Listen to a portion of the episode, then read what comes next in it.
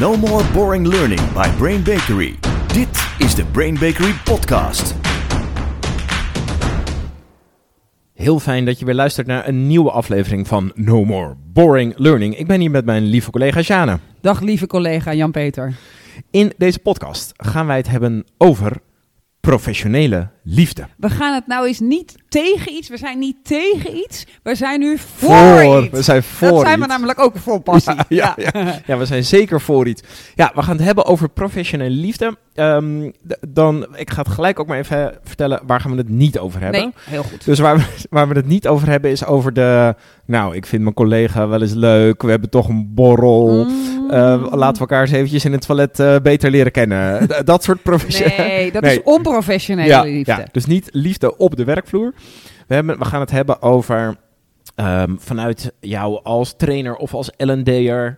ehm, eh, over liefde voor je deelnemer, liefde voor je vak, over het effect daarvan. En waarom we het erover Ja. hebben, natuurlijk vooral omdat we weten dat het heel veel verschil uitmaakt. Dat het heel veel betere resultaten oplevert voor je training, voor je deelnemer, ook richting je klant. Ja. Dus je gaat er heel veel meer effect mee boeken. Ja, en het, en het wordt ook steeds getolereerder. Het wordt ook steeds Ja, normaler. Ja. En vroeger mocht je natuurlijk werken. Werk, werk, dat was werk. Thuis, daar was liefde. Als er al liefde was. Maar we gingen het niet erover hebben. En ehm, twee jaar geleden was ik op de ATD. ehm, een internationaal congres. Het grootste eh, ter wereld voor L&D'ers. En daar stonden ineens drie titels in de 130 Heel veel. Ja. eh, eh, seminars of webinars of dingen die je kon volgen. Workshops. En drie titels hadden het woord love in hun titel. En, en, en dat vind ik wel een teken van deze tijd. Ik denk dat liefde en werken met liefde, dat dat steeds geaccepteerder wordt, steeds normaler wordt. En ik denk dat er ook steeds meer een behoefte aan is van mensen die werken, om dat met liefde te doen. Ja, het is nee, precies wat je zegt. Werk was een soort, nou, ik krijg mijn salaris. Ja, Eh, en nu is werk natuurlijk veel betekenisvoller Ja. geworden. En als iets betekenisvol is, dan wil je daar niet als een soort halve robot gewoon je ding zitten doen. Nee, nee, ik denk dat, dat, dat werken aan het begin van de 20e eeuw nog heel erg te maken had met overleven. Ja. Je had geld nodig, er waren geen sociale vangnetten. Dus moest je werken voor je geld. En, en dan had je geld en dan kon je je gezin. Je had trouwens ook geen anticonceptie. Dus je gezin was best wel groot. Ja. Eh, en dan kon je je gezin laten overleven. En, en wat we hebben natuurlijk gezien na de Tweede Wereldoorlog is er een grote eh, evolutie daarin gekomen. En werk is steeds meer iets geworden wat gaat over vervulling. Ja, je wil er geld voor krijgen, maar je wil wel zo vervuld mogelijk zijn. Ehm, ik weet nog dat ik in de jaren eh, twintig las wat de belangrijkste vraag was die eh, sollicitanten eigenlijk wilden stelde, stellen, maar niet durfden te stellen Ja. bij, ehm, bij een sollicitatie. En dat is, heb ik leuke collega's? Hoe leuk is het werk? Dus het gaat ook echt over, is het leuk? Doen we leuke dingen? Doen we mooie dingen? Is het, geeft het, eh, heeft het zin wat we doen? Houden we van onze klanten en van elkaar? Dus eh, daar gaan we het over hebben, Ja. want het levert ook nog eens verschrikkelijk veel op. Ja, dus we delen natuurlijk het, eh, het onderzoek. Eh, we gaan altijd vanuit de wetenschap. En we hebben allemaal verschillende invalshoeken over hoe kun je kijken eh, naar professionele liefde. Ehm, en eh, de- dus gaan we ook in op de vraag, ja, kun je dus ook te veel Ja. professionele liefde Ja, hebben? en is het dan nog liefde? Precies. Of wordt het dan Wat- iets anders? wat Ja. gebeurt er dan? Ja. Eh, dus luister lekker mee. Ja, laten we eens eh, beginnen met, wat vinden we dan professionele liefde? Ja, want eh Jordi, die er vandaag helaas niet bij is, Nee. die had een voorgesprek over professionele liefde met iemand die helemaal in de technologie werkt. die weet daar ontzettend veel van. En we vroegen aan hem, hoe, hoe kijk jij naar professionele liefde? Luister even mee naar wat hij zei. Ja. Het eerste waar ik aan moet denken bij professionele liefde is eh, passie voor het vak. En eh, dat kan op vele niveaus. Eh, Een timmerman die kasten maakt, maar ook een analist met passie voor cijfers, of de dokter of een coach met een passie om mensen beter te maken. Passie is voor mij ook altijd een belangrijke indicator bij het aannemen van medewerkers. Want zodra iemand over zijn passie praat, zie je een glinstering in hun ogen, hoor je meer energie in hun stem en, en gaan ze rechterop zitten. Mensen met passie presteren gewoon beter. Ze zijn meer betrokken en ze zullen eerder met verbeterideeën komen. De- dus dat is voor mij professionele liefde. Prachtig. Goeie invalshoek. Ja. ja.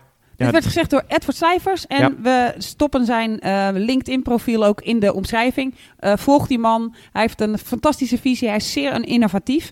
En dit is zijn visie op professionele liefde. Hij pakt hem dus vooral aan van liefde voor hetgeen dat je doet. Voor Ja. je vak. Ja. Ik denk dat dat een, eh, een hele belangrijke is voor alle L&D'ers en voor trainers. Dat als je niet liefde hebt voor het beter maken van anderen, het geven van inzichten, het zorgen dat ze het lekkerder hebben in hun leven. Wat ben je dan aan het doen? Ja, dan ben je een soort de, de, de, de, de, de opleider, hè? De, Ja. de- de- dan ben je een soort de cursusleider die... eh, wel, welkom in mijn klaslokaal. Ja, dit is de zeventiende die ik dit jaar alweer geef. Ja, precies. en als jullie nu even je mond houden, dan kan ik gewoon mijn programma Ja. afdraaien. Ja, en dan, en dan, weet je, dan weten we, cognitief kan het er allemaal goed gaan, hè, het programma Ja. enzovoort. Maar we weten dat je er gewoon minder impact maakt. Ja. En, en toch, ik noem het nog maar een keer, toch krijg je nog steeds die acht. Ja, Ja. want het was niet totaal onaangenaam Nee, en nee. hij deed toch zijn best. Nee, Ja. nee. Dus professionele liefde houdt er zeker ook in echte passie voor je eigen vak. Daardoor ga je beter presteren en ga je dus ook anders om met de mensen eh, voor wie je traint. Ja, ja. En, en dat zie je dus op allerlei manieren terug. Dat zie je terug aan. Nou, als je nu deze pod- podcast luistert, dan vind ik dat ook een uiting van professionele liefde. Ja. Eh, niet naar mij of naar Jan-Peter, maar naar je vak serieus nemen, daar nieuwe inzichten in willen hebben, zodat je het nog weer beter kunt doen. Ehm, eh, podcast luisteren, boeken lezen, in een filmje ineens realiseren: oh, hoe doen ze dat? Ehm, en ik denk dat we ook, als we hem vanaf de andere kant bekijken, dat we ook allemaal precies alle leerkrachten die we ooit hebben gehad. Oh, ja. Ik heb ge- gehoord dat we er gemiddeld zo'n 30 hebben in, ons, in onze carrière, als Ja. we een beetje doorstuderen. Ehm, dat, dat je alle van die 30 die liefde hadden voor hun vak en misschien ook wel liefde hadden voor jou, Ja, dat je Ja. die, die je nog herinnert en dat je misschien wel je carrière hebt gebaseerd op het feit dat die leerkracht zo vet en zo tof was. ik denk dat dat voor een heleboel mensen klopt. Voor, Ja. voor mij in ieder geval ook. Ja. Ja, bij mij was het eh, mijn leraar geschiedenis. Ja, Ja, van mijn tweede middelbare school, eh, waar ik de laatste drie jaar heb gezeten. Ja, hij, hij kon zich zo lekker noem hem maar opwinden. even. Weet je zijn naam nog? Ja, meneer Vos. Meneer Vos, Ja, meneer Vos, meneer als u luistert, u Ja. bent top. ja, ja. ja die, die, was, eh, die kon zich heel erg opwinden, maar die kon zich opwinden over zijn vak. Maar die kon zich ook opwinden voor en over ons. Mm. En het was ook gewoon een mooi, mooie man, want hij liep die echt rood aan. Ja. En, en je zag, ja, precies wat Ed ook beschrijft. Je ziet dan in iemands lichaam, zie je de passie er Ja. vanaf druipen. Ja. ja, En- voor mij was ja. het trouwens met Engels. Ik ben Engels gaan studeren, Ja? niet doordat ik de leukste Engelse leraar had, maar de film Dead Poet Society, Oeh. waar die leerkracht zo'n passie heeft voor zijn deelnemers, voor zijn leerlingen eh, en voor zijn vak. En waarom die, waarin die durft hen uit de band te laten springen en anders te laten kijken naar de prachtige Engelse taal. En eh, hij zegt op een gegeven moment ook, eh, being a doctor, this is, these are all noble pursuits. Maar waar leven we voor? Waar leeft je ziel voor? Voor poetry. Ja, toen, eh, toen ben ik Engels gaan studeren. En tot op de dag van vandaag ken ik een aantal van zijn gedichten uit mijn hoofd. En ook nog veel meer. Ja. De bonus van deze podcast is... Luister Ja, naar ja, ja. Sonnet 72 van Ja. Shakespeare. Ja. Nou, waar ik, benieuwd, waar ik benieuwd naar ben, en dit zijn onze voorbeelden. eh, als je nu luistert en je denkt, ja, ik had ook zo'n voorbeeld. Of het nou een leraar is of een film zoals Ja. Bessiana. Of eh, misschien wel een trainer later Ja. in, je, in je leven. Deel ze lekker eh, op onze socials. Ja, eh. doe een shout-out naar Ja. ze. Want, het, want helaas is professionele liefde best wel schaars. ja. En, en ik denk dat we eigenlijk naar een, naar een, een soort nieuwe realiteit aan het toe bewegen zijn... waarin het veel meer mag en veel meer kan. En we weten ook dat het veel meer oplevert. Mag ik al gaan delen van het onderzoek? Je wilt dat graag. Ja, ja, ja, Ik heb er liefde voor. Ja. ja, mijn rol is om jou tegen te houden. Maar ik voel, dat, ik voel dat het niet meer kan. Ik zou zeggen, Sjane, gooi het erin. Ja, er is een onderzoek gedaan naar. eh, er zijn talloze onderzoeken gedaan naar professionele liefde. Vaak heten ze niet zo, hè? Want Nee. wat er wordt getoetst is hoeveel leren leerlingen of eh, eh, deelnemers van trainers of van leerkrachten. Eh, en uit iedere test, altijd en alle metatesten komt dat als jij het gevoel hebt dat jouw leerkracht om jou geeft en om het vak geeft, leer je meer. Ehm, en dat gaat zelfs zo ver dat ze op een gegeven moment mensen, een, het, deelnemers een toetsje lieten maken. Is in 2015 onderzocht. Ehm, en dat, dat toetsje, dat, ze moesten iets oplossen, een oplossing eh, ergens voor verzinnen. En van tevoren lieten ze dan een foto zien. En van een leerkracht. Hmm. En als op de foto een foto stond van een leerkracht waar de deelnemer een band mee voelt, eh, dan losten ze het probleem significant sneller op. Nee. Het zien van Alleen de foto. Dus- al. Dus, ja. als ik een foto krijg van, van mijn oude leerkracht die ik dan niet zo leuk vind, eh, zag ik dat. Ja. En zag ik meneer Van der Boom, dan zag ik iets, dan ging ik ineens sneller oplossen. Dus, dus, het, dus we weten dat het toevoegen van liefde voor je deelnemer, liefde voor je klant, liefde voor, voor de mensen die voor je zitten, dat dat ongelooflijk veel Ja. oplevert. Wat krachtig is dat dan? Ja. Ja.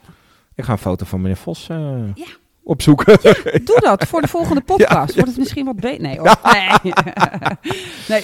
Hey, en je noemde ehm, eh, ook eventjes liefde voor je klant. Ja. Want dat is natuurlijk ook een eh, invalshoek Ja. van waaruit je eh, kan kijken. De, sommige van onze luisteraars zullen een, een L&D of een leidinggevende functie hebben bij één bedrijf. Ja. Nou, dan is je, je klant is een afdeling en natuurlijk gewoon je werkgever. Ja.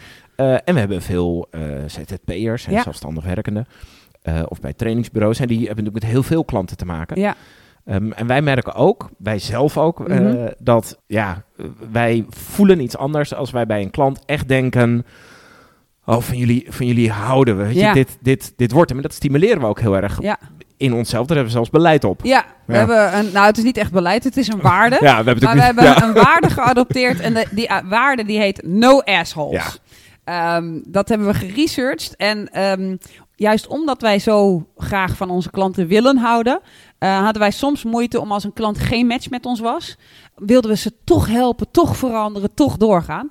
En we hebben dus een policy gemaakt, een, een, een waarde, en die heet no assholes. Dus we discussiëren regelmatig met elkaar van ja, wacht even, wat er nu gebeurt, nu worden we heel erg gezien als opdrachtnemer die braaf moet doen wat Ja. de opdrachtgever Ja. wil. We worden ook soms nog wel eens lelijk behandeld.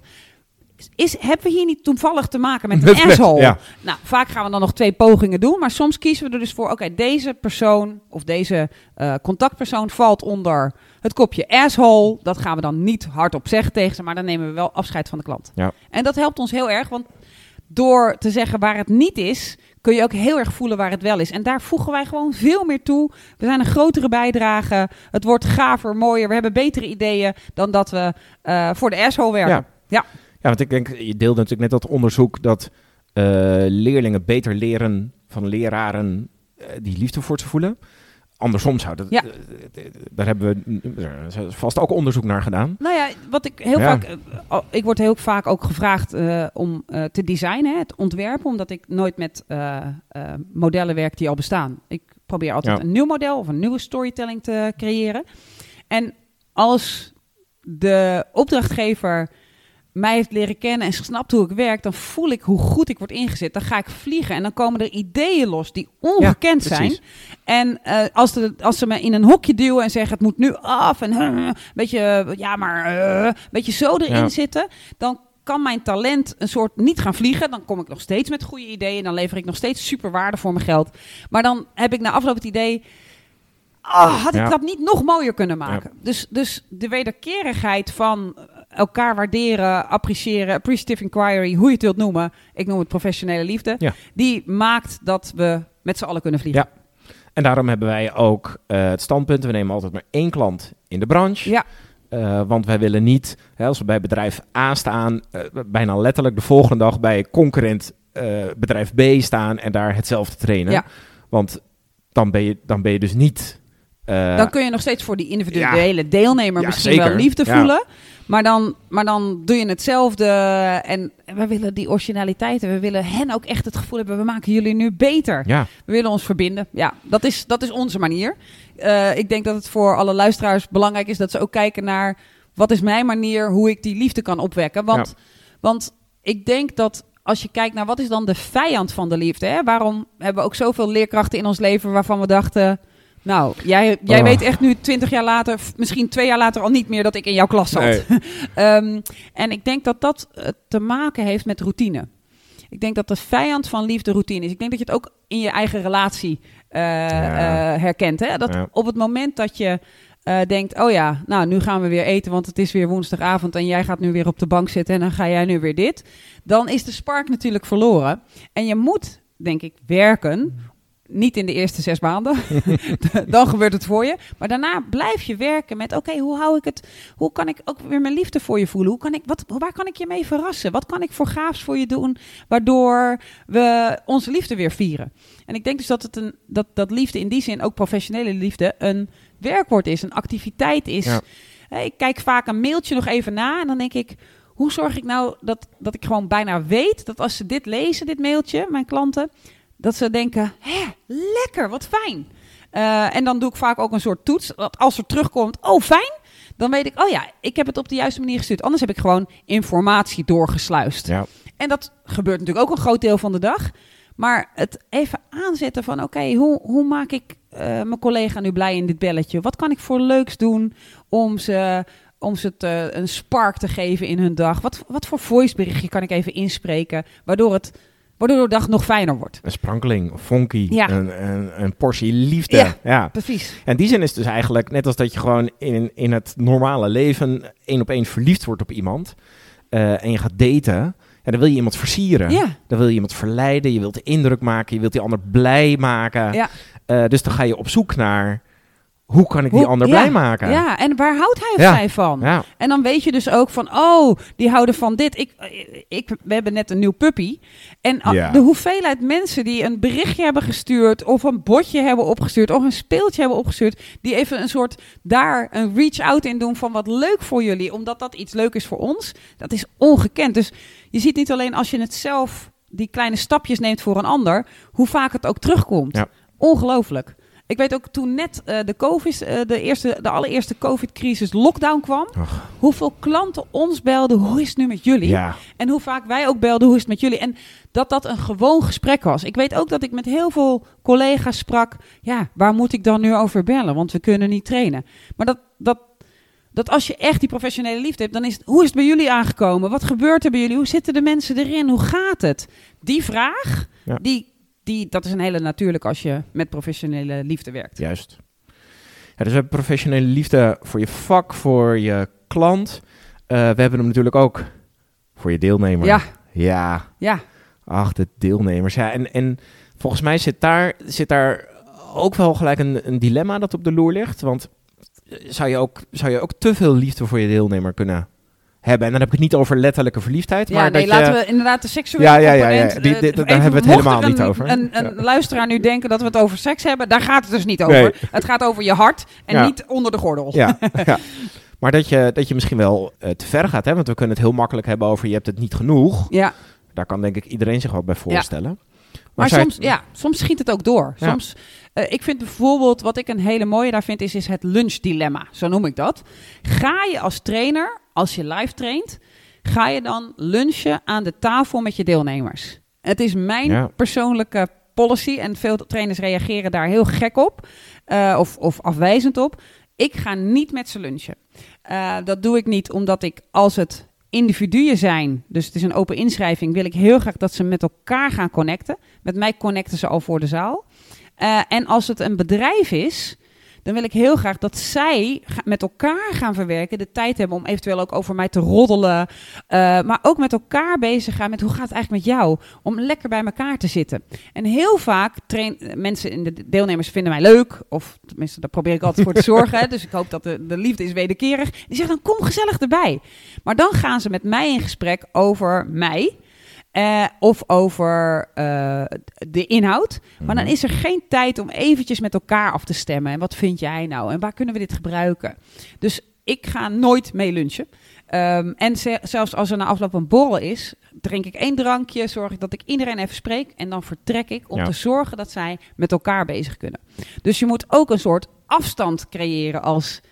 Liefde is niet, ik ben er de hele tijd. Ik heb één keer gehad, toen noemden ze het, eh, onze training een brain bakery traject. Ja, ja dat is Dan heb ik gefaald. Ja. Want dan is het te veel over mij, ons, eh Brain Bakery gegaan. Het, het moet gaan over de klant, over Jumbo of over Mazda of over McDonald's. Ja. Het, het moet hun training zijn van hun. Maar ze moeten wel voelen dat ik er met mijn hele ziel en zaligheid in zit. En dat als ze me na afloop connecten op LinkedIn of als ze een vraag nog hebben, dat ze voelen, ah, ik kan, ik kan connectie maken en, en daar kan ik wat mee. Ja. En vind jij dan niet, wat, je zegt zelf wat, lunch is dilemma. Ja. eh, kan in, ik kan me voorstellen dat het dilemma is. Want ik vind ook dat je, hè, dat je op een gegeven moment te ver kunt gaan Ja. in je liefde. En dat je inderdaad niet, je moet niet, als, hij, als het een tweedaagse achter elkaar training is, s'avonds in het hotel nog lekker met ze gaan dineren, volgens mij. Eh, maar ik kan me ook voorstellen dat je in die lunch, dat je dan juist wel weer connectie Ja. creëert Je wilt, met je je, wilt ook, deelnemers. je wilt een soort wel beschikbaar zijn. Ja. Hè? Als er vragen zijn of je hebt iets gezegd en iemand heeft daar een bepaald gevoel bij, positief of negatief, dat ze wel even met je kunnen eh, sparren. Dat, dat wil je een soort wel creëren. Eh, dus dat probeer ik ook altijd wel. Dus als zo'n 10 minuten voor tijd ga ik dan wel een beetje mingelen. Eh, maar ik wil niet dat de pauze over mij gaat. Ik wil dat Nee. die weer over hun gaat. En wat je ook sommige trainers ziet doen, ik zit natuurlijk ook vaak in van die trainingslocaties. Dan zie je gewoon trainers het hoogste woord voeren aan tafel. En dan gaat het over wat doe je dan thuis. En, Oh ja, ja. en dan zie je dat het bijna eh, dat je bijna een soort ster bent Ja, geworden. Eh, ik. En dan hoeveel, oh, hoe heet je kat dan? En, en dan gaan ze helemaal daarop in. Eh, terwijl dat, en dat mag, maar, maar wat levert dat op? Dus, ja, er zit dus een beetje een starstruck bijna. Ja. ja. En dan, dan gaat het meer over jou dan dat je ze na afloop moet jij weer weg, hè? Ja. Voor, voor in elk geval voor de meeste trainers. Want dan laat je ze weer terug, ofwel bij hun manager, ofwel in hun team. En daar moet het gebeuren.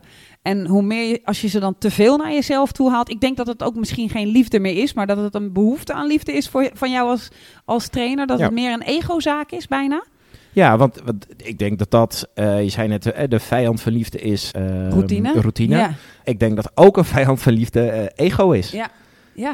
Dat je dus, dat, dat, ik denk dat dat meer lijkt op liefde. Ja. Dat je dus makkelijk een soort in die valkuil kan trappen.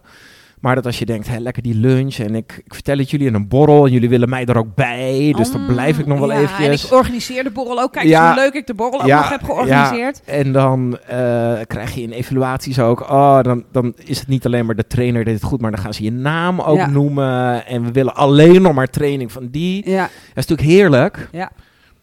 Ja, dat is, dat Ja. is niet waar het om moet draaien, volgens mij. Nee, dat weet ik ook nog toen, Ja. toen mijn bedrijf zich ging uitbreiden. eh, en ik andere trainers wilde gaan inzetten. Was het eerste waar ik tegenaan liep. Nee, we willen alleen jou. En we willen alleen jou betekent dus dat het om mij Ja. gaat. Ook wel waarschijnlijk om mijn kwaliteit. Dat hoop ik dan maar. Eh, maar ik leerde dus daar dat ik iets meer moest neerzetten over wat ik deed en waarom ik dat deed en hoe ik dat doe. En dat andere trainers dat ook kunnen. Waardoor dat eh, gezien gaat worden. Ja. Dat lukt nu gelukkig. eh, Ja, het gaat heel goed. Ze willen mij niet eens meer zien, joh. Ze willen alleen nog maar jou. ja, maar genoeg over te veel of over Ja. ego. Ja, Ego, mooi gezegd door jou. En routine zijn de vijanden van liefde. ja. Ook in relaties. Ja. Dus laten we nog, nog een keer kijken naar waarom, waarom wel. Hè? Dus, dus een, een voldoende mooie mate van professionele liefde. Het kan tegenwoordig, het hoort, het hoort steeds meer bij de ontwikkeling van hoe we naar werk aankijken. Ehm, ik denk dat er een soort. Dat je het kunt kijken van ja, waarom zou, je dit, waarom zou je dit willen voelen? Ik denk, de wereld wordt er gewoon mooier van. Absoluut. Ja, eh, je, je maakt- je hebt meer lol in je eigen Ja. vak. Je bereikt meer voor je klant. Je bereikt meer voor je deelnemer. Het is gewoon prachtig. ja, je hebt dus meer rendement, Ja. meer impact. En het is werken. Het is, oh ja, ik kan deze mail nu sturen. Maar ik kan ook iets doen waardoor deze Ja. mail gaaf aankomt. Ja. Ik kan een emoticon gebruiken in mijn appje naar mijn deelnemer, waardoor die ziet hoe ik het precies bedoel. Ja. Ik kan, het is, volgens mij is, is professionele liefde ook echt op zoek zijn naar die extra stap die je kunt doen. Niet zodat jij oké gevonden- gevonden wordt, maar zodat die ander een fijn gevoel heeft. Want ik denk dat het daarom gaat. Dat denk ik ook. En alle, alle onderzoeken wijzen het ook uit. Dus het is niet een hele praktische podcast. Maar misschien is het wel een hele praktische podcast. We wisselen ze graag af. Ja. Dan zijn we ervoor, dan zijn we er tegen, dan wordt het praktisch, dan gaat het weer wat meer over denkrichtingen. Eh, lieve luisteraars, laat vooral eh, achter hoe jullie professionele liefde ervaren, hoe jullie het uit, hoe jullie het simuleren, waar je het wel tegenkomt, Hoe waar je het het niet tegenkomt, ja. hoe je het terug hoort. Eh, heel erg bedankt voor het luisteren en heel graag tot de volgende keer. No more boring learning. Dit was de Brain Bakery podcast. Wil je meer weten? Kijk dan op brainbakery.com of volg ons op onze socials.